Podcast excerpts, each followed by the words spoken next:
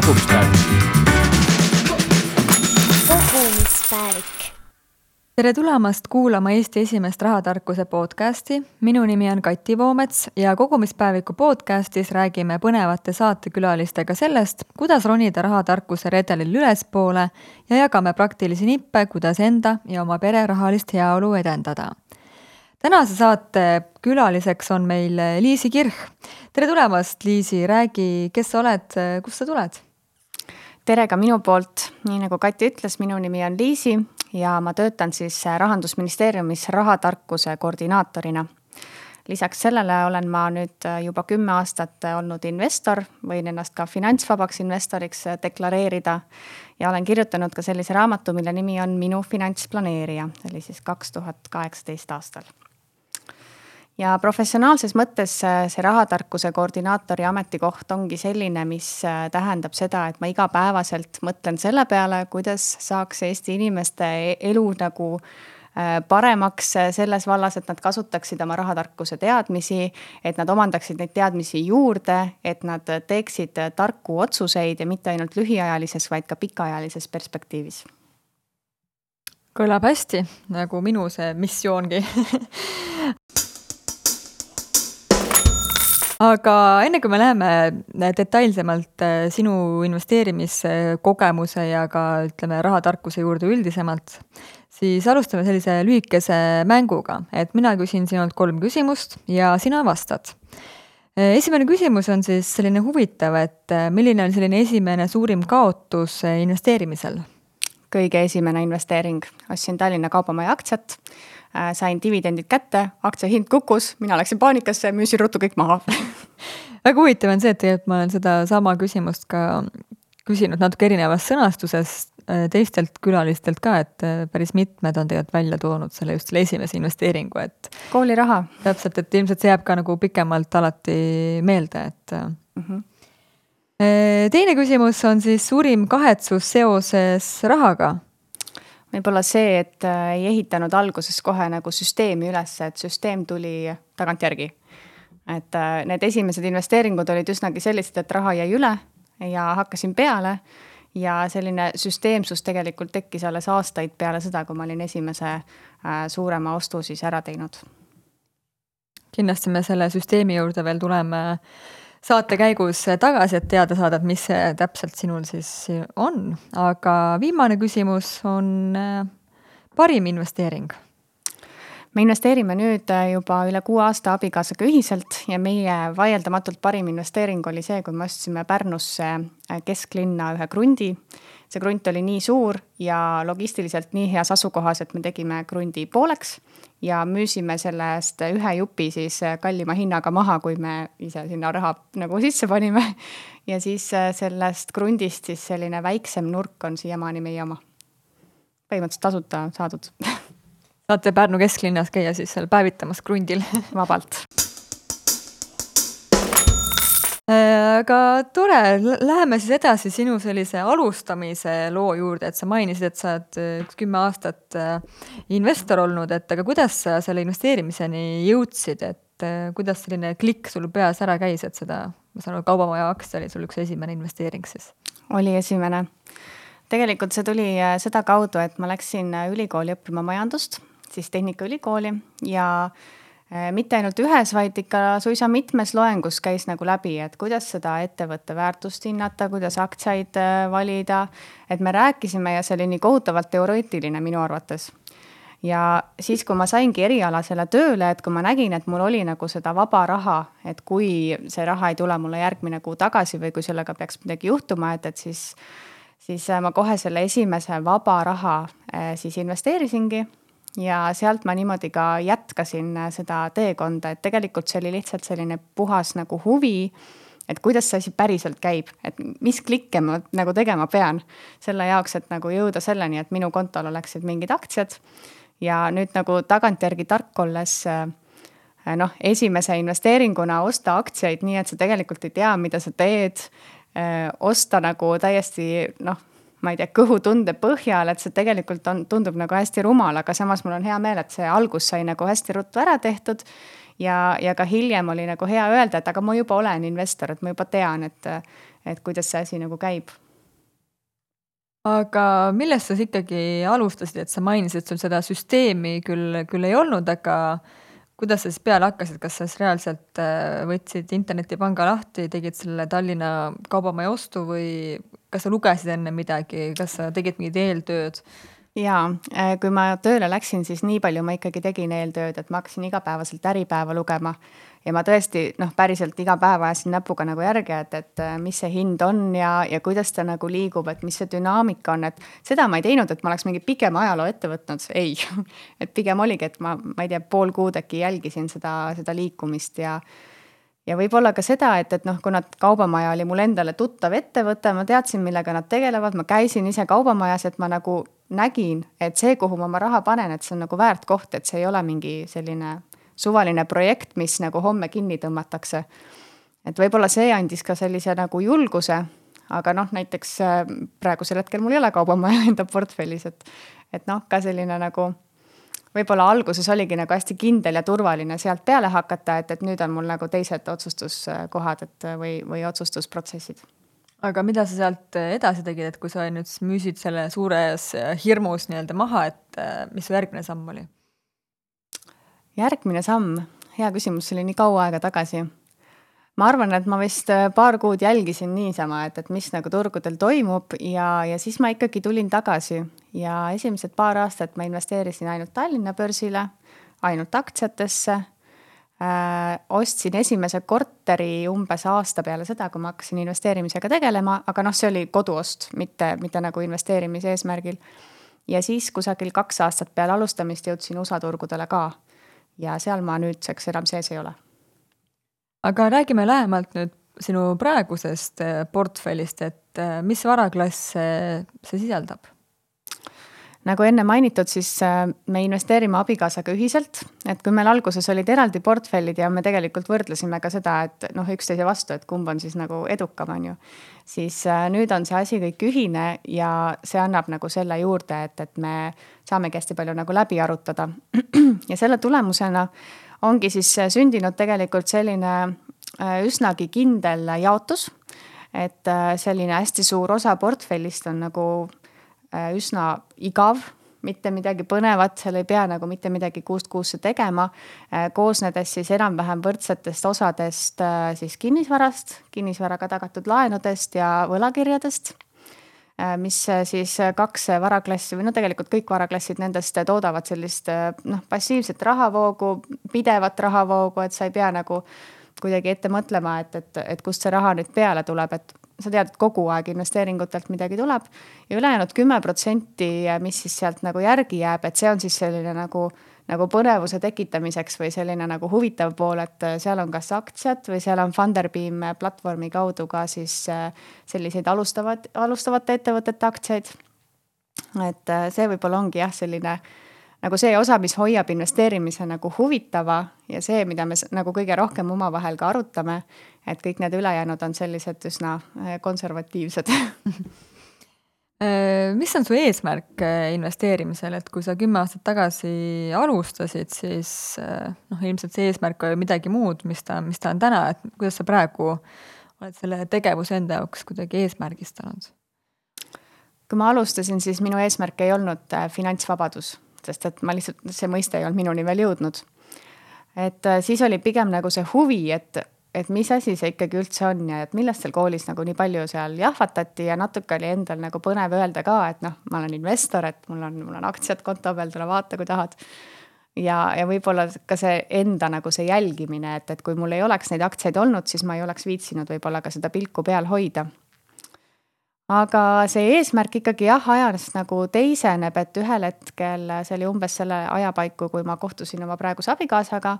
äh, tuli siis päevakorda see finantsvabaduse teema, et just see, et, et me saaksime teha äh, neid asju, mida me tahame nende inimestega, nendel kellaaegadel, nendel põhjustel, mis on meile olulised. ja siis sai see eesmärk nagu sellise nagu konkreetsema äh, nagu piiri ette, et mis summat meil vaja on mis tootlusprotsenti meil vaja on, kui palju me iga kuu kõrvale paneme. ja nüüdseks on see eesmärk saavutatud, aga samas need harjumused on nii tugevalt sees, et kuidagi imelik oleks nagu, et kulutaks nüüd sellel kuul kõik oma palga ära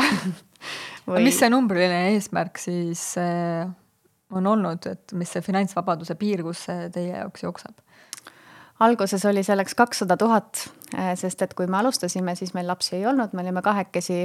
Meil oli minu äh, siis korter, mille laenumakse, kui ma nüüd hästi mäletan, oli kakssada eurot kuus. et noh, selles mõttes kulud olid nagu madalad, meil ei olnud mingeid väga suuri ma ei tea, ambitsioonikaid tahtmisi, et me ei tahtnud uut Porsche't või, või maja osta. et siis oli kakssada tuhat nagu selleks piiriks, aga nüüd on see,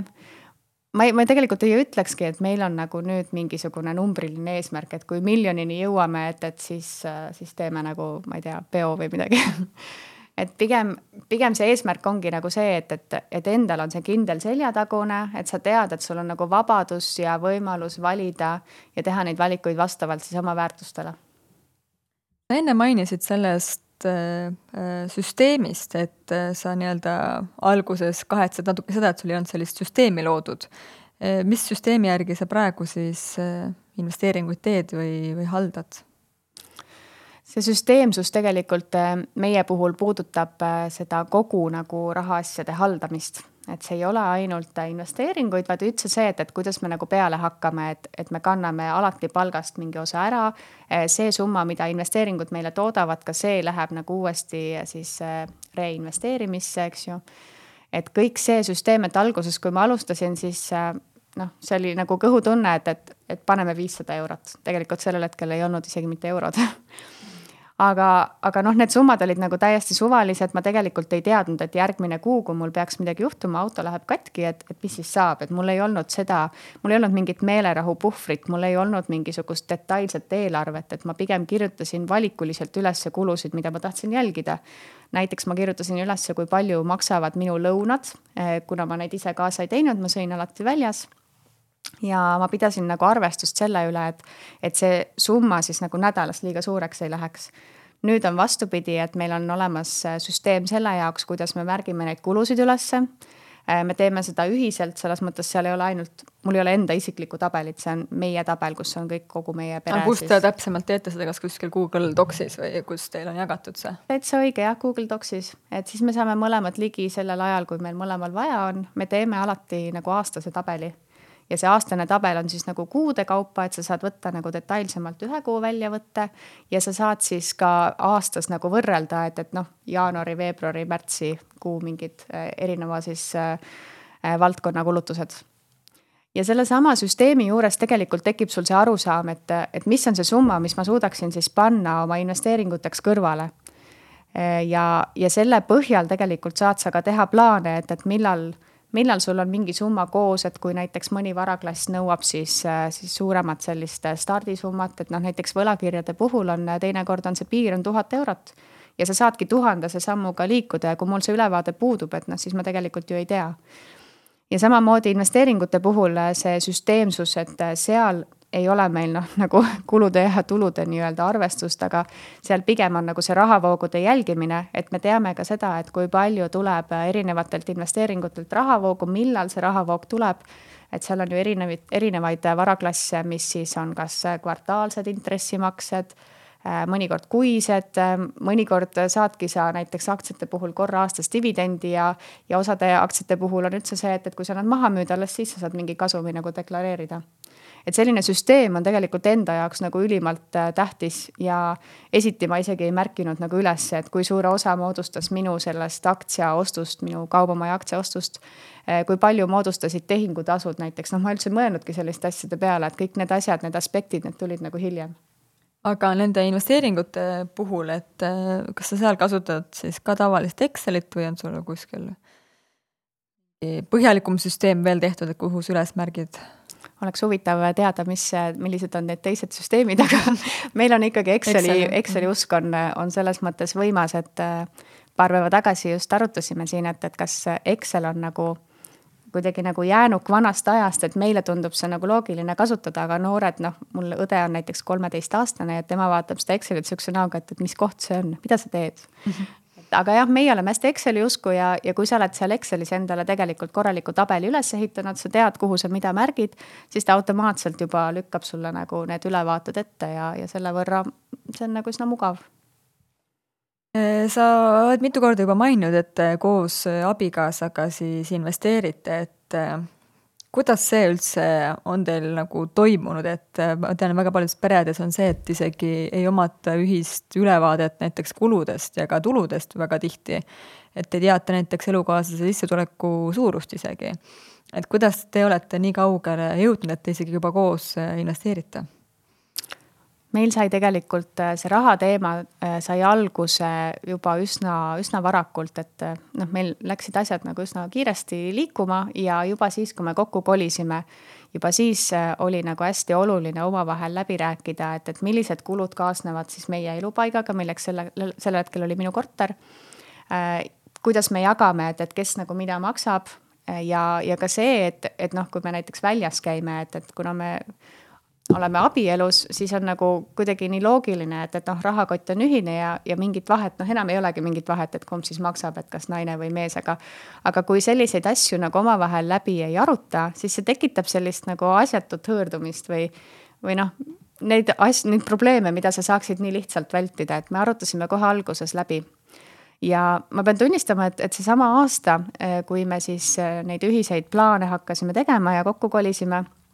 et see oli tegelikult päris raske minu jaoks. selleks hetkeks ma pidasin juba oma sellist kulude-tulude tabelit, minul oli minu süsteem olemas. minu kaasal seda süsteemi ei olnud ja siis järsku oli niimoodi, et toidukulud kõikusid nagu meeletult, sest et kord maksis üks, kord maksis teine. Äh, mingid kulud kadusid ära ja siis see oli nagu noh, see tabel ei andnud mulle ülevaadet enam, kuna kommunaalkulusid seal sees ei olnud.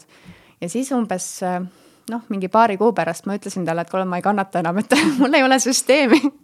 et teeme midagi, et, et kas sa oled nagu nõus sellega, et, et me teemegi nagu ühise tabeli, me proovime koos märkida. see oli alguses hästi võõras ja, ja selles mõttes ma saan täiesti aru inimestest, kes ütlevadki, et, et nad ei teagi oma kaasa rahaasjadest mitte midagi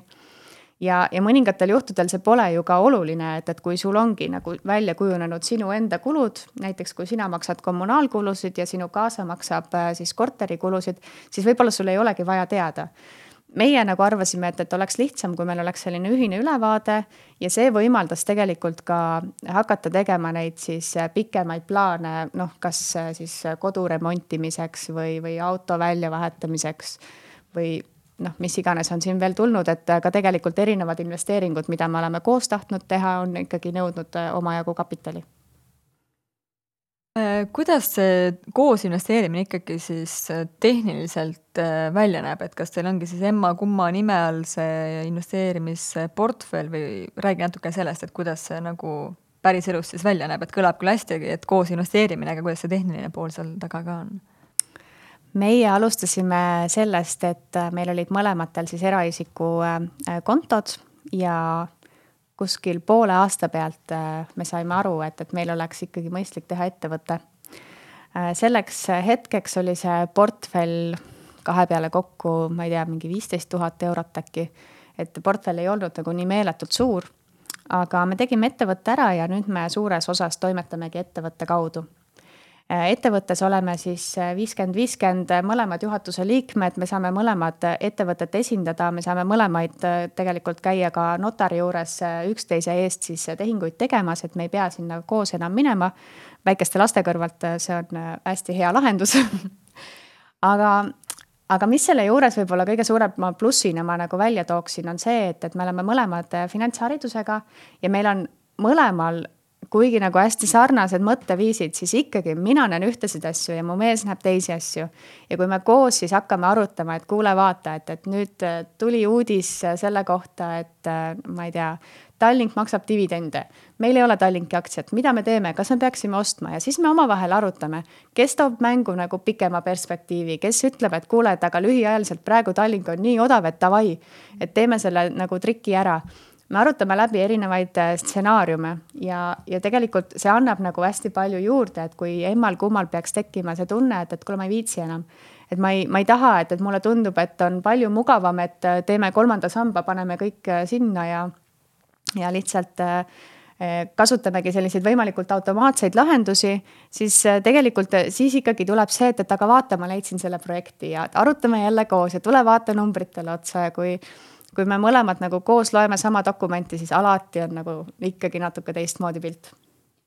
See on tegelikult huvitav, et ma mäletan, et investor Toomas ühel koolitusel tõi ühe sellise eduelemendina ka välja selle, et tegelikult selle investor Toomase taga on üks viis-kuus inimest, viis-kuus ajakirjanikku, kes siis ka ühiselt neid koos otsuseid teevad ja just nimelt arutavad, et see, et ühel on üks mõte, teine, teisel on teine mõte, koos arutatakse läbi, leitakse siis see parim nagu otsus osta või mitte osta või mida täpselt teha, et tegelikult ma arvan, et see on hästi suur eelis ka noh, abikaasaga koos või elukaaslasega koos, eks. absoluutselt, meil on tulnud ette nii neid juhtumeid, kus mina olen nagu sada protsenti kindel, et nüüd tuleb ära teha. kaasa ütleb, et mitte mingil juhul. või vastupidi, et meil on olnud täiesti ka nagu üksteise pidurdamisi. ja noh, seesama Pärnu krunt, mida ma enne nagu heaks näiteks tõin, et üks meie parimatest investeeringutest, siis sellega oli tegelikult näiteks nii, et, et mu kaasa saatis selle kuulutuse pildi mulle ja mina ütlesin, et davai, ma helistan, ma helistasin kohe ära ja siis ta tuli ja ütles, et oota, et sa tegid nalja või. et vaata nüüd seda maja, et seda maja pole ollagi seal, et see on täiesti nagu lagunenud, kole ja vana mina ütlesin, aga vaata nüüd, kui suur krunt see on. ja siis ühel hetkel noh, tegelikult kogu selle diskussiooni käigus, et, et mina tegelikult alguses ka ei mõelnud, et me hakkame krunti kohe poolitama. aga see tuli nagu sellest just, et sellest nagu vestlusest omavahel ja, ja mida siis järsku nagu keegi nägi, et sellest tekib nagu see sünergia. mina üksi ei oleks nii edukas investor ja ma arvan, et mu kaasa üksi ka ei oleks, et tegelikult võib-olla see ongi nagu üks suurimaid trumpe jah, ma arvan, et see on päris hea nii-öelda motivaator ka näiteks nendele, kes meid, meid kuulavad ja mõtlevad, et kuidas seda abikaasat ikkagi ka üht, ühte paati saada, et et koos ikkagi sünnivad paremad otsused ja tegelikult hiljuti ka lugedes majandusteadlaste mingisuguseid äh, uuringuid, siis seal samamoodi, et grupiprotsessid või nii-öelda grupis suhtlemine tegelikult aitab kaasa sellele, et me teeme lõpuks ikkagi ratsionaalsemaid ja paremaid otsuseid, et üksinda me oleme natuke impulsiivs, impulsiivsemad ja tahame nagu võib-olla emotsioonide pinnalt tihti mingeid asju teha, et aga nagu mitmekesi koos läbi arutades, mõeldes on nagu võimalik teha ikkagi pikemaajaliselt äh, kasulikumaid otsuseid minu meelest äh, kevadine olukord, äh, kui see koroonakriis kõik tuli ja, ja kui aktsiaturud olid hästi volatiilsed, et see näitas nagu nii hästi ära, et, et äh, et kui sa ikkagi arutad läbi ja kui sa pead kaitsma, et miks sa nüüd tuled sellise ideega ja miks sa tuled praegu keset tööpäeva mind segama sellise ideega. et, et see, et sa pead selle ära nagu tegelikult põhjendama korralikult, et see mõnikord hakkad põhjendama ja siis poole lause peale ütled, tead, aga see oli, see oli jama mõte, ärme rohkem räägi väga hea milliste põhimõtete järgi te neid investeeringuid ikkagi siis äh, valite või teete, et sa neid varaklasse tõid küll välja, et äh, kümme protsenti on sellist natukene nagu lustakamat raha, et mille järgi teha võib-olla mingeid huvitavamaid otsuseid, aga mis põhimõtted teil on, on mingid rusikareeglid või, või mingid valdkonnad, mida te näiteks üldse ei vaata või mingid varaklassid, mida te üldse ei puutu? Äh, me oleme hästi paljud varaklassid läbi käinud ja sealhulgas katsetanud näiteks äh, kullaga või äh, ühisrahastusega. Ja me oleme nagu selles mõttes jõudnud näiteks sellise reeglini,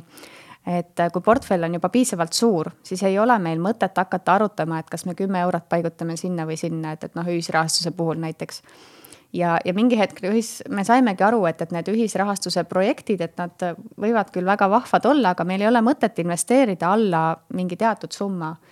ja, ja noh, see meie puhul oli see tegelikult piir läks sealt nagu kolme tuhande juurest ja, ja seal seda just nagu seetõttu, et me paneme tegelikult selle projekti analüüsimisse juba mingi aja see, et me omavahel arutame, see võtab veel aega. ja see, see ajafaktor, et ühel hetkel see ei tasu enam ära, et me oleme nii palju analüüsinud ja teinud ja siis, kui me koos jõuame otsusele, et, et see oli täiesti mõttetu projekt, et noh, siis siis meil jääksid võib-olla lihtsalt mingid teised teemad nagu katmata või, või ka teised investeeringud. mille peale me veel rõhku paneme, et ma võib-olla toon konkreetsema näite kinnisvarasektorist et on see, et, et mis on nagu selle asja selline nagu pikem väärtus. Ja me proovimegi näiteks kinnisvara puhul alati leida, et, et, et kuidas meie saaksime anda nagu mingit väikest äh, sellist äh, lisa nagu efekti sinna juurde, et kuidas kus ja kui nagu kus kohas on ole-, on olemas need võimalused, et äh, et siis nagu ise väärtust luua ja ise nagu seda objekti siis kunagi tulevikus kallima hinnaga maha müüa ja sealjuures me tegelikult ka kahekesi koos arutades, me proovime neid emotsioone nagu kõrvale jätta, et me ei lähe ostma seda kodu, mis on kõige ilusam ja tundub nagu äh, kõige mõnusam, vaid vastupidi, et me otsime nagu seda tuleviku väärtust, et äh, ka nüüd, äh, kui me hakkame kohe kolima, siis tegemist on majaga, mis on väljast renoveerimata. Tegemist on korteriga, mis on siis kaks korterit kokku, kus me peame ise ka äh, tegelikult päris palju tegema ja see ongi nagu põnev. ja võib-olla see annab just nagu kodutundele ka juurde selle, et, et mitte, et et see on lihtsalt selline steriilne valge ruum, mille me ära ostame, vaid vastupidi, ma tean, et mis higi ja pisarad ja närvid on läinud nagu selle ukse tegemise jaoks või, või selle tapeedi panemise jaoks või noh, vahet ei ole, et et see kuidagi loob nagu selle teise tunde, pluss et see on ju ka meie ühine pingutus, et olgugi, et mina noh ei lähe seina lammutama, et tõenäoliselt teeb seda mu mees. aga et ikkagi minul on nagu mingi teistmoodi panus sealjuures, et see annab nagu sellise, ma ei teagi, nagu lisaväärtust kuidagi meile endale ka sa igapäevaselt eh, harrastad ka sellist minimalistlikku elustiili, et eh, mida see sinu jaoks tähendab täpselt ja kuidas see välja näeb siis? Minimalistlikust elustiilist ma olen pikemalt rääkinud ka näiteks investeerimisklubi podcast'is, kui keegi, kedagi huvitab see teema. aga mida see tegelikult tähendab, on see, et, et me proovime elada siis nende asjadega, mida on meile vaja ja me ei kogu endale siis koju sellist mõttetut träni, mida me ei kasuta ja mis tegelikult hoiavad kinni meie aega, meie raha, meie energiat ja ka meie ruumi et meil võib küll nagu suur kodu olla, et, et nüüd me kolime kaheksakümne ruudusele pinnale, aga, aga samas mulle meeldib see, kui seal on seda õhku ja, ja see kodu ei nõua nii palju minu aega, et mul ei oleks näiteks mahti oma lastega minna, ma ei tea, matkarajale või, või randa või, või kuhu iganes või, või näiteks ka reisima. et äh, see ongi jah, nagu selline oma väärtustega nagu kooskõlas elamise üks osa. et ma ise nagu olen lapsest saati väga väärtustanud äh, siis seda, et, et kui ma midagi ostan ja, ja kui ma endale midagi koju nagu hangin, et siis see peab olema nagu väga põhjendatud. et sellel peab olema ikkagi nii suur väärtus, et, et ma ei saaks seda rentides või, või kelleltki korraks laenates. ja see tegelikult hoiab ka ära nagu sellised emotsionaalsed äh, emotsionaalsed, noh, ma ei tahagi isegi öelda ostud, aga pigem selle, et, et emotsiooni põhjal sa tassid endale koju mingit räna ja siis hiljem nagu avastad, et, et sa nagu järjekindlalt muudkui koristad ja koristad ja koristad enda järel. aga tegelikult nad sulle mingit kasu ei toogi. see minimalistlik elustiil on selles mõttes mõjutanud ka meie äh, investorite, investorkarjääri, kui seda nii võib nimetada, või meie tegelikult seda seda raha hulka, mida me suudame igakuiselt säästa. sest et äh, meil ei ole vaja näiteks igakuiselt äh, riiete peale kulutada või äh, ma ei kujutagi ette kodumasinate hoolduse peale. meil on üks auto ja, ja see tegelikult täidab täiesti meie vajadused, me saaksime oma siis sissetulekute juures saaksime elada ka palju äh, palju nagu laiemalt, et me võiksime osta endale maja, me võiksime käia nagu mitmeid kordi aastas välismaal puhkamas. aga see on nagu jälle see küsimus, et aga mida see reis sulle annab, et mõni reis annab sulle rohkem kui teine. ja ka see, et, et kui me hoiame nagu selle reiside arvu nagu limiteeritult, et kas me käime lastega siis või ilma, et see loob neid kogemusi, mis jäävad meelde ja, ja kui see oleks nagu niivõrd tavaline ja selline nii igapäevane, et lapsed hakkaksid juba vinguma, et jälle lennukisse. et noh, siis see tegelikult võtaks nagu seda, seda nagu head osa ära, see, mille järgi me tegelikult tahame minna lastest sa oled ka mitu korda äh, rääkinud, et kuidas teie peres käib äh, lastele rahatarkuse jagamine, et kui vanad hetkel lapsed sul on ja kas ja kuidas sa neile rahatarkust äh, juba jagad? Minu lapsed on äh, kolme ja viieaastased ja meie kõige esimene nii-öelda rahatarkuse kogemus oli siis äh, kusagil aasta tagasi, kui mu vanem laps oli neljane.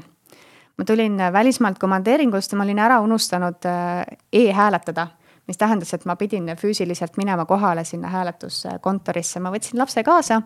ja see oli hästi vihmane ilm ja kui me sinna kontorisse jõudsime, siis seal istusid äh, neli meesterahvast, neil oli ilmselgelt väga igav ja, ja mitte kedagi seal ei olnud.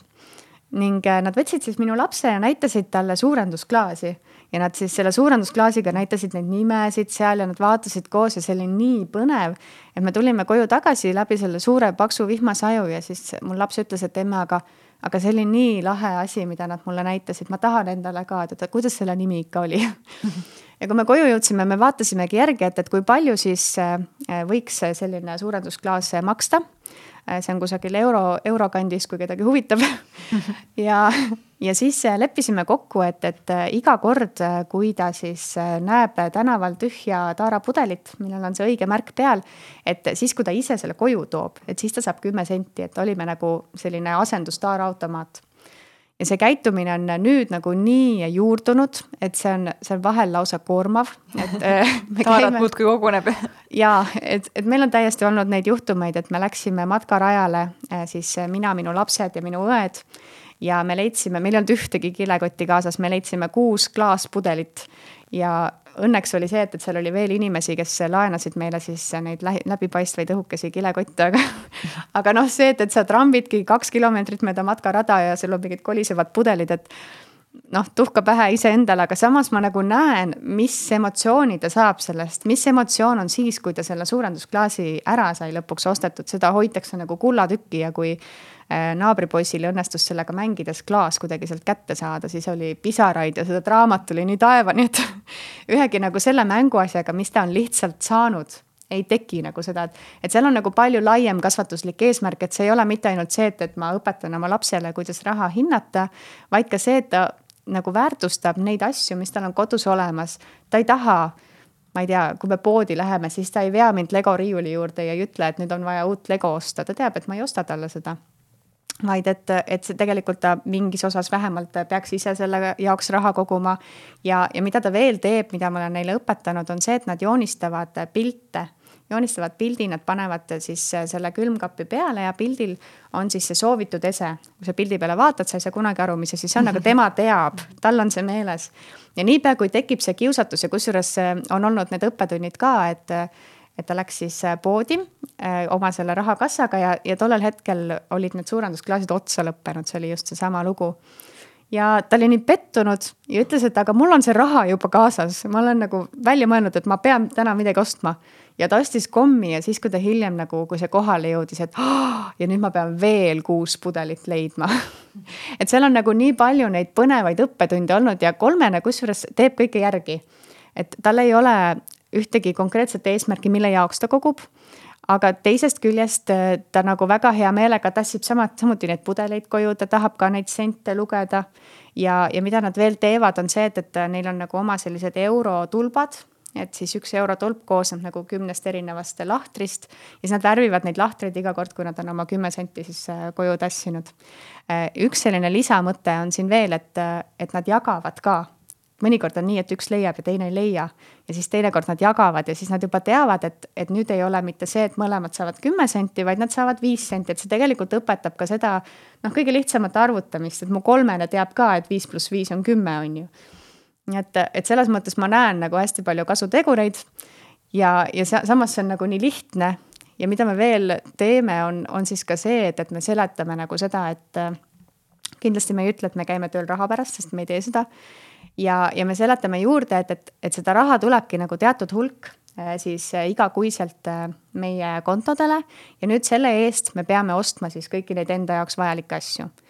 ja neil nagu tekib see arusaam, et, et noh, minna näiteks Lottemaale, et see ei ole niimoodi, et ma ütlen, et nüüd lähme. Ei lähe niimoodi, et see on ikkagi planeerimine, see on kulu, see ei ole midagi sellist, mida me mitu korda aastas lubaksime ja noh, see jällegi tekitab nagu seda kogemuse väärtustamist. Nii et äh, selles mõttes ma võiks lõputult näiteid tuua. Et see on, see on nagu hästi huvitav teema minu enda jaoks ka ja ma leian, et oma laste peal nagu selline katsetamine, et, et see tegelikult annab mulle nagu hästi palju juurde ja, ja ma kindlasti jätkan sellega jah, varsti siis ootame sinult äh, raamatut selles valdkonnas, et kuidas läbi praktiliste näidete siis lastele rahatarkust äh, õpetada. aga kas investeerimisest ka kuidagi oled neile juba rääkinud või mingi kogemuse andnud? pigem ei ole, et me oleme küll lugenud Tom õpib rahamängu raamatut ja samamoodi värskelt ilmunud Marta ja rahatähed raamatut. Ja me oleme sealt nagu veidi proovinud seletada, et investeerimine on see, et, et ma ei kasuta seda raha nagu kohe, aga noh, nende jaoks see seostub ikkagi selle nagu kogumisega. et et me ei ole nagu neile näiteks äh, sellist äh, süsteemi veel teinud, et kui sa nüüd hoiad seda raha mingi teatud perioodi, et me siis anname juurde või kuidagi niipidi. et see pigem on mul kavas äh, siis, kui nad hakkavad taskuraha ka saama. Ja, ja siis üks mõte sellega haakuvalt on ka see, mis minule nagu täieliku üllatusena tuli, see oli kusagil pool aastat tagasi. mu laps ei olnud mitu päeva ühtegi pudelit leidnud ja me olime käinud äh, nagu noh, sihtotstarbeliselt jalutamas, et leida mõni pudel ja siis ma mäletan nii hästi, et ta oli põranda peal, ta vaatas äh, sinna nagu diivani alla nagu otsis midagi ja siis küsis emme,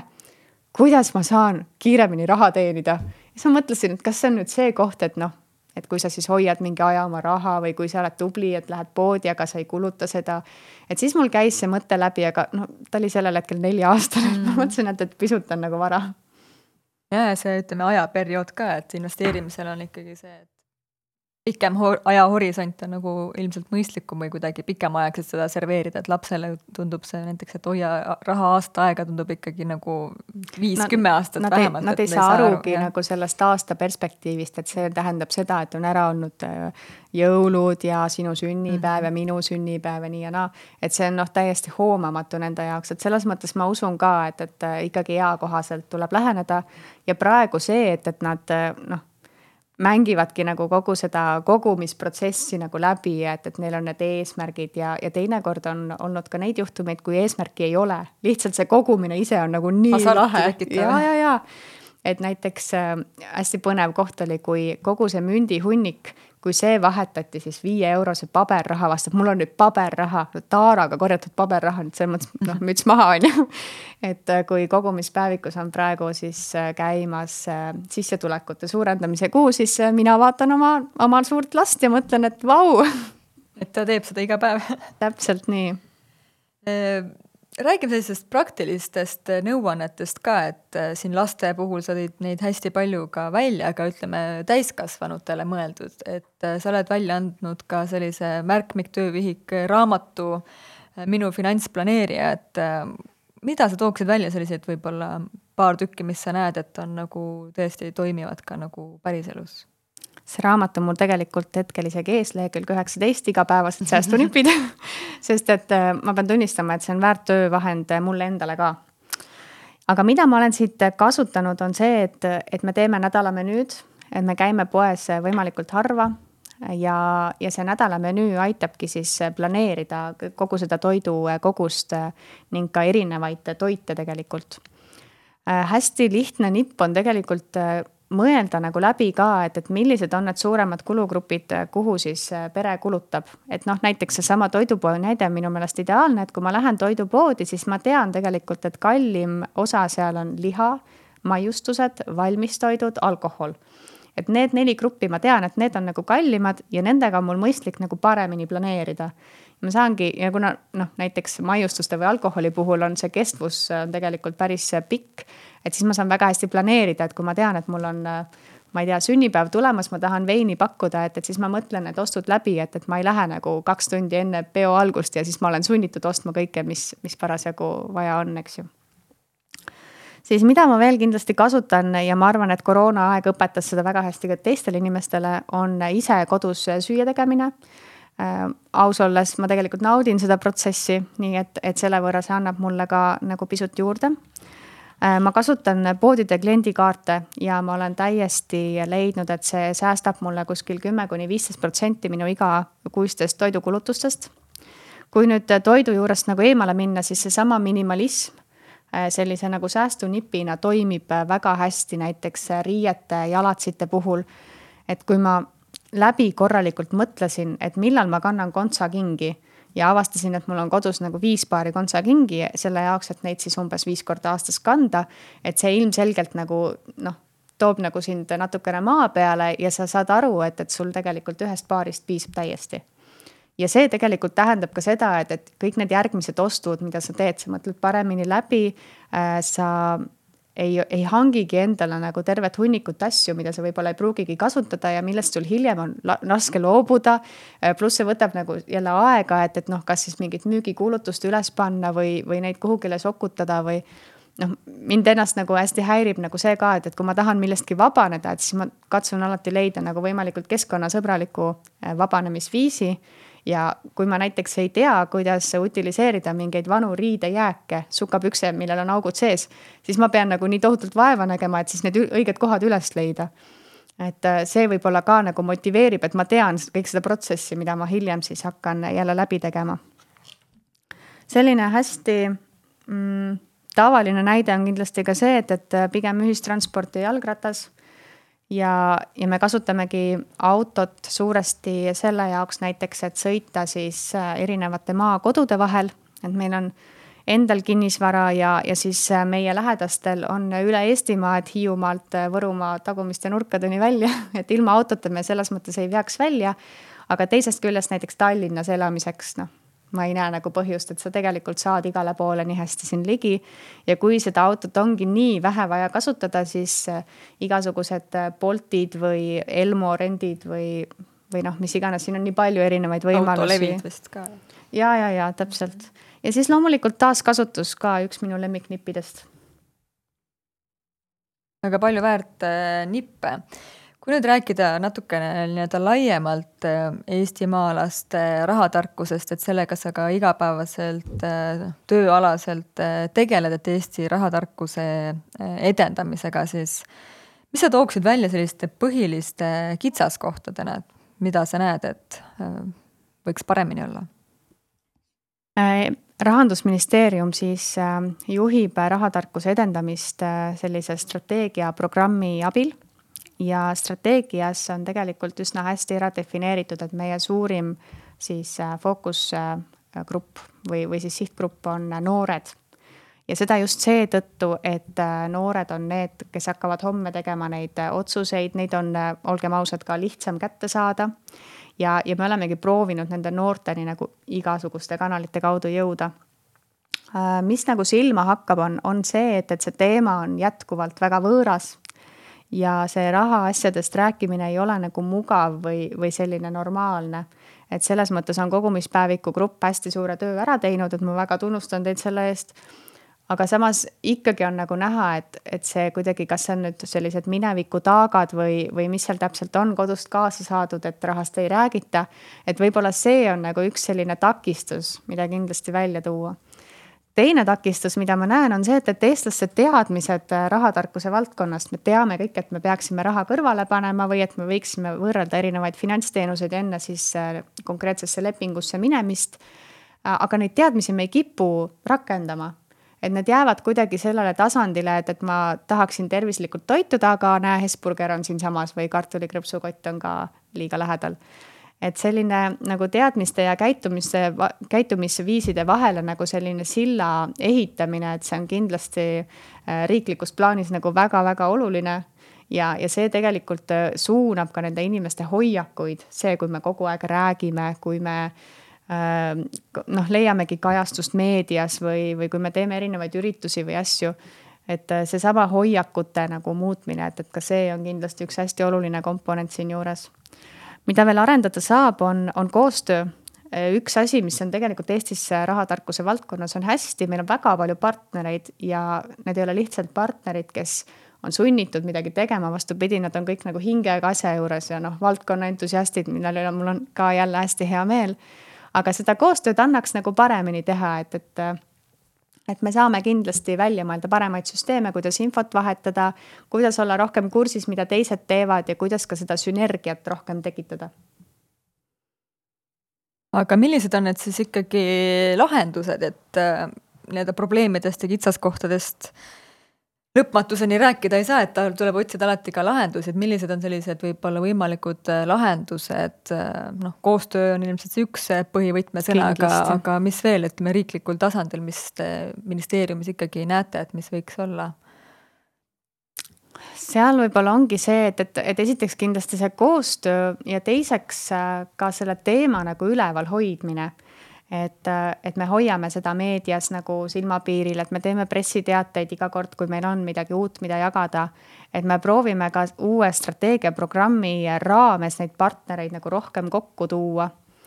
Ja, ja mida ma nagu veel näen, on, on see, et, et tegelikult ka Euroopa tasandil ja maailma tasandil pööratakse sellele rahatarkuse teemale järjest rohkem tähelepanu ja, ja seal tegelikult räägitakse isegi mitte ainult sellest, et me peaksime nagu rahatarkust jagama, et ainult seda nagu teadmisi, vaid vastupidi, et me peaksime nagu kasutusele võtma sellise finantsilise heaolu termini, et me kõik tahame nautida nüüd praegu ja tegelikult ka edaspidi tulevikus sellist oma soovitud elatustaset. et seda, et, et me saame võimaldada endale äh, siis äh, piisavalt mugavusi ja et äh, kui nüüd paralleel tuua Eestiga, et, et me ei peaks näiteks suhtelises vaesuses siis virelema, kui on selline aeg, kui enam ei saa või ei taha tööd teha et ka Euroopa tasandil ma näen, et neid signaale järjest tuleb ja seal ma usun, et hakatakse arendama ka sellist nagu liikmesriikide vahelist koostööd, parimate praktikate jagamist, et me saame nagu rohkem aimu. me saame võib-olla neid teadustöid nagu ka koordineerida, et nad ei keskenduks ainult ühele riigile, vaid noh, üle Baltikumi, Baltikum on võrdlemisi nagu homogeenne grupp, mida uurida. või näiteks ka Põhjamaadega samastuda, et et selles mõttes leiutatakse palju selliseid uusi, võib-olla käitumuslikke Äh, lähenemisi, kuidas me saaksime suunata, nügida äh, niimoodi inimesi paremaid valikuid tegema, aga samas noh, mida rohkem inimesed ise nagu teadvustavad selle teema olulisust ja mida rohkem nad ise tegelikult proovivad ennast äh, targemate valikute suunas nagu lükata, siis ma arvan, et, et seda, seda rohkem kasuks tuleb. nii et, et märksõnad võib-olla siit ongi koostöö, teema üleval hoidmine ja siis võib-olla selline Euroopa-alane koostöö samuti mainisid, et üheks sihtrühmaks on, on noored, et kuidas koolides selle rahatarkuse olukorraga lood on, et hiljuti olid rõõmustavad uudised siin Eestile, et näiteks PISA finantskirjaoskuse testis olid siis meie õpilased esirinnas ehk siis täiesti esimesel kohal just nende teadmiste poolest. et tundub siis, et justkui koolides see seis oleks rahatarkusega super hästi vahepeal, kui ma vaatan kõiki neid algatusi, mida koolides tehakse, äh, kõiki neid äh, aineid, kus juba rahatarkusest räägitakse või neid samu PISA tulemusi, siis ongi selline tunne, et aga kõik on imehästi samas äh, PISA tulemus võrdles ainult kahekümne riigi tulemusi omavahel. meil ei olnud äh, näiteks võrdlust Uus-Meremaaga, et mul on hästi hea näidet tuua, me käisime just Uus-Meremaal puhkamas. ja ma kasutasin ühe oma puhkusepäeva siis niimoodi, et käisin Aucklandis siis finantskirjaoskusega tegelevas asutuses kohapeal vaatamas, et kuidas nemad siis asju teevad ja mida nad mulle rääkisid, on see, et, et, et nendel on ikkagi programmid, mis on nagu üle terve koolisüsteemi esimesest kaheteistkümnenda klassini on siis eakohased teemad, et see noh, just, et see teema nagu üleval hoidmine, et kui me räägime nagu ühe korra ära, et käime, anname ühe külalistunni, me oleme mõlemad seda Katiga teinud. et siis tegelikult sellest on vähe ja sellele ka PISA tulemused viitasid. et see asi peab olema süsteemne, pidevalt jälle tuleb, et mäletate, eelmine aasta oli see teema, nüüd me natukene arendame seda edasi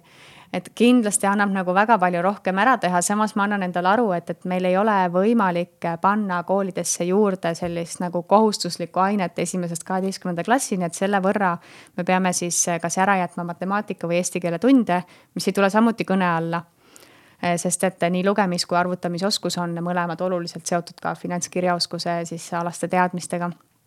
Nii et äh, tegelikult, mida nagu teha tuleks, on see lõimimine. See, et, et me seletame matemaatikat läbi finantskirjaoskuse näidete. et me eesti keele tunnis loeme temaatilist teksti ja arutame, mida tähendavad sõnad laen või intress.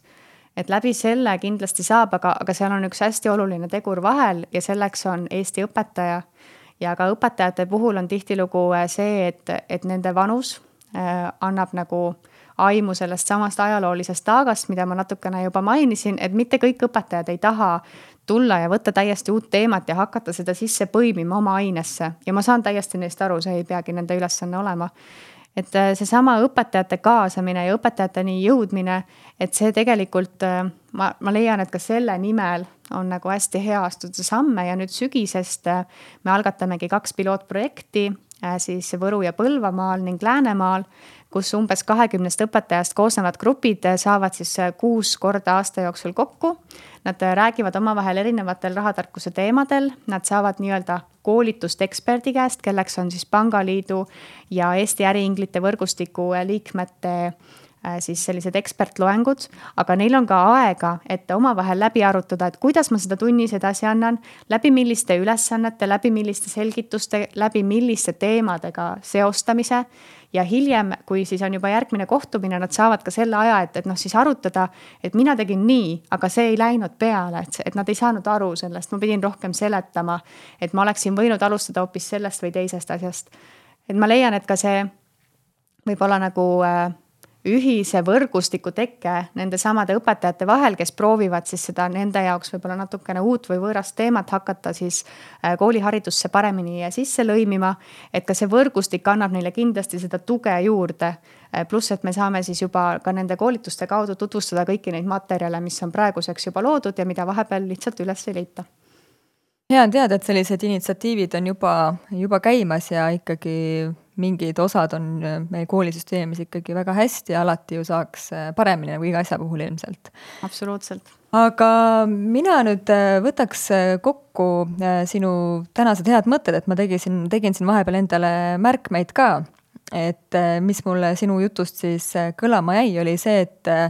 sul on selline süsteemsus nii kulude ja tulude jälgimisel eelarvetabeli kujul siis, kui ka siis investeeringute puhul, et see ikkagi on selge ülevaade, et kuhu investeeritakse ja miks investeeritakse ja, ja, ja mis need, mis need investeerimist siis võib-olla teesid on kunagi teil olnud. ja mis mulle ka meeldis, oli see, et ikkagi abikaasaga tehakse seda süsteemsust nii-öelda koos, et koos on see kulude ja tulude tabel siis tehtud, koos seda täidetakse investeerite siis ka samamoodi koos läbi siis ühise ettevõtte ja mis sa siis ka välja tõid, on see, et äh, mis see üks nii-öelda eelis on, on see, et ikkagi saab neid äh, investeeringute otsuseid siis läbi arutada omavahel ja jõuda siis nii-öelda ratsionaalsemate tulemusteni võib-olla. Ja ütleme, see võtab ära sellise võib-olla pinge, mis ka paljudel peredel võib olla seoses rahaga, et kui näiteks ei ole ülevaadet kuludest-tuludest, selline läbiarutamine, avatult raha teemast rääkimine on kindlasti see, see pluss, mis, mis siis aitab ka paremaid pikemaajalisemaid plaane teha ja sinu minimalismi sellisest äh, elustiilist ka mulle meeldis see, et sa ta-, tahadki elada siis nende asjadega, mida on tõesti vaja ja igal asjal peaks olema ikkagi hea põhjendus. ja kui seda põhjendust ikkagi ei suuda leida või see tundub ebamõistlik, siis sa üritad neid asju siis noh, mitte soetada või siis olema, olemasolevaid asju siis lihtsalt äh, noh, nendest vabaneda siis, kui ilusasti öelda ja ütleme ka rahalises mõõtmes see mini-, minimalism siis ikkagi väljendub, et eh, mida vähem sa asju ikkagi endale kokku kuhjad, seda rohkem sa saad raha säästa ja seda säästetud raha siis ka omakorda investeerida. ja lastele eh, rahatarkuse jagamise puhul sa tõid välja siis sellise praktilise poole, et ka läbi sellise mängulisuse ja praktiliste selliste eluliste ülesannete oled suutnud siis neid ikkagi äh, raha vastu huvi tundma panna ja just see suurendusklaasi näide oli ka väga hea, et üks, üks pool on see nii-öelda rahaline pool ja eesmärkide seadmine, teine pool on ikkagi ka see, et tegelikult äh, see paneb võib-olla last rohkem seda asja siis ka hindama, väärtustama ja hiljem ka hoidma, et ta näeb, et selle, see ei ole lihtsalt tulnud nii-öelda. ja praktiliste nippide puhul puhul sa tõid ikkagi välja ka sellised, mis on ka kogumispäeviku grupist meil hästi palju läbi käinud, on ikkagi see nädalamenüü planeerimine ise kodus söögi tegemine, äh, poodides äh, kliendikaartide kasutamine, minimalism uuesti näiteks riiete ja jalanõude äh, puhul ja transpordi kategoorias ka, et ikkagi kuna peres küll auto on, aga siiski võimalusel e-, eelistada ikkagi ühistransporti ja jalgratast, et see annab ka ikkagi suure, suure võidu nii rahalises mõttes kui ka keskkonna mõttes kindlasti. kuidas tundus, Liisi, suutsin enam-vähem su mõtted Jaa. kokku võtta jaa, suurepäraselt, ma võib-olla ise enne jätsin mainimata, et, et kui tegelikult peres ei ole nagu kaasamõtlejaid, siis äh, alati saab leida nagu väljaspoolt perekonda seda nagu ringkonda, äh, kellega koos neid teemasid nagu arutada, et, et see ei, alati ei peagi kaasa olema, et, et on ka neid inimesi, keda no üldse ei tõmba rahateemad, et äh, siis lihtsalt tuleb leppida olukorraga. jah, tuleb leida endale sarnaselt mõtlevaid sõpru kogumispäevik näiteks on selline ideaalne koht samamoodi, et ma mäletan, kui me korraldasime seda rahakooli, et see oligi füüsiliselt kohale tulemisega, siis seal ikkagi mõnes rahakoolis moodustusid sellised äh, investeerimisgrupid väiksed, kes jäid ka hiljem omavahel suhtlema, et kuna oligi, et võib-olla ka oma lähitutvusringkonnas ei ole inimesi, kes selle teema vastu huvi tunneksid, siis tuleb otsida neid väljaspoolt. jaa, täpselt. et eh, tahaksid sa siia meie kuulajate lõppu veel mingeid häid nõuandeid eh, kaasa anda? Leian, et selline avatud rääkimine rahaasjadest on võib-olla selline üks esimesi samme, et me nagu teadvustame, et see on normaalne elu osa ja, ja me ei pea alati rääkima numbrites, kui see on kuidagi ebamugav, et me saame rääkida ka protsentides või, või lihtsalt, et mingi summa või X või, või kuidagi teha endale see nagu mugavamaks. mis ma võib-olla veel ütleks, et selline nagu kolm sammu, mida igaüks saab enda jaoks ära teha, et esimene on see, et, et pane need kulud-tulud kirja ja proovi neid analüüsida, et sa saad aru, kust raha tuleb ja kuhu see raha läheb. see annab tegelikult sulle endale nii palju noh, sellise ülevaate ja, ja sa tead ja oled ka endas natukene kindlam selle võrra. Siis äh, tegelikult nipp number kaks äh, oleks siis see, et tee endale meelerahufond ehk see fond, et kui midagi läheb valesti või, või selline vihmase ilma fond, et, et siis sul on kusagilt võtta, see tagab sulle sellise kindlama olemise ja ka turvatunde, et, et kui midagi läheb väga valesti, siis ma ei pea minema vanemate juurde roomama või kiirlaenu võtma kui need kaks asja on olemas, siis äh, kolmas samm oleks tegelikult teha kolmas sammas. nii nagu täpselt kolmas sammas, kolmas samm ja kolmas sammas. sest et äh, kolmas sammas on ikkagi maksusoodustusega investeerimisvõimalus. see annab sulle sellise hea tõuke mõelda pikaajaliselt ette selle aja peale, kui sa võib-olla ei soovi enam tööd äh, teha või ei saa seda teha ning äh, kolmandal sambal on siis, on siis ka see eelis, et saab investeerida madalate tasudega indeksfondi. selle saab teha täiesti automaatseks, ei nõua mingeid investeerimisalaseid teadmisi ja, ja sa ei pea üldse mõtlemagi selle peale, et sa teed ühe korra kõik need püsikorraldused ära, kõik tehtud, valmis. ja eriti hea on teha siis selle aasta jooksul äh, kolmas sammas endale ära. ja seda sellepärast, et kui võetakse vastu pensionisamba, pensionisüsteemi muudatused, siis äh, alates viiekümne viiendast eluaastast enam ei saa kümneprotsendilise tulumaksuga siis seda sambasse kogunenud raha kasutada, vaid tuleb maksta kakskümmend protsenti, et seal tahetakse seda vanusepiiri tõsta. ning selle võrra on nagu väga hea hetk just seesama pensioni teema või pikaajaliste plaanide tegemise teema endale läbi mõelda. Ja kolmas sammas ära avada, sa võid sinna kasvõi ühe euro panna, aga peaasi, et see on avatud sul väga hea, lõppu sobibki see selline aktiveeriv, üleskutsuv äh,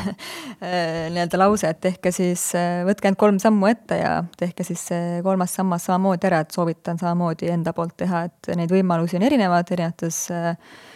pankades, ühistutes nii-öelda, et tasub leida see endale sobiv ja, ja alustada sellega, kelle, kes veel seda teinud pole aga mina tänan äh, kõiki kuulajaid äh, kuulamast, ma loodan, et te saite siit häid mõtteid, mida kaasa noppida ja ka praktikas kasutada. kui teile podcast meeldis, siis jagage seda teistega, pange viis tärni ja kuulake meid uuesti. järgmise korrani, tšau! head aega! kogumispäevik. kogumispäevik. kogumispäevik.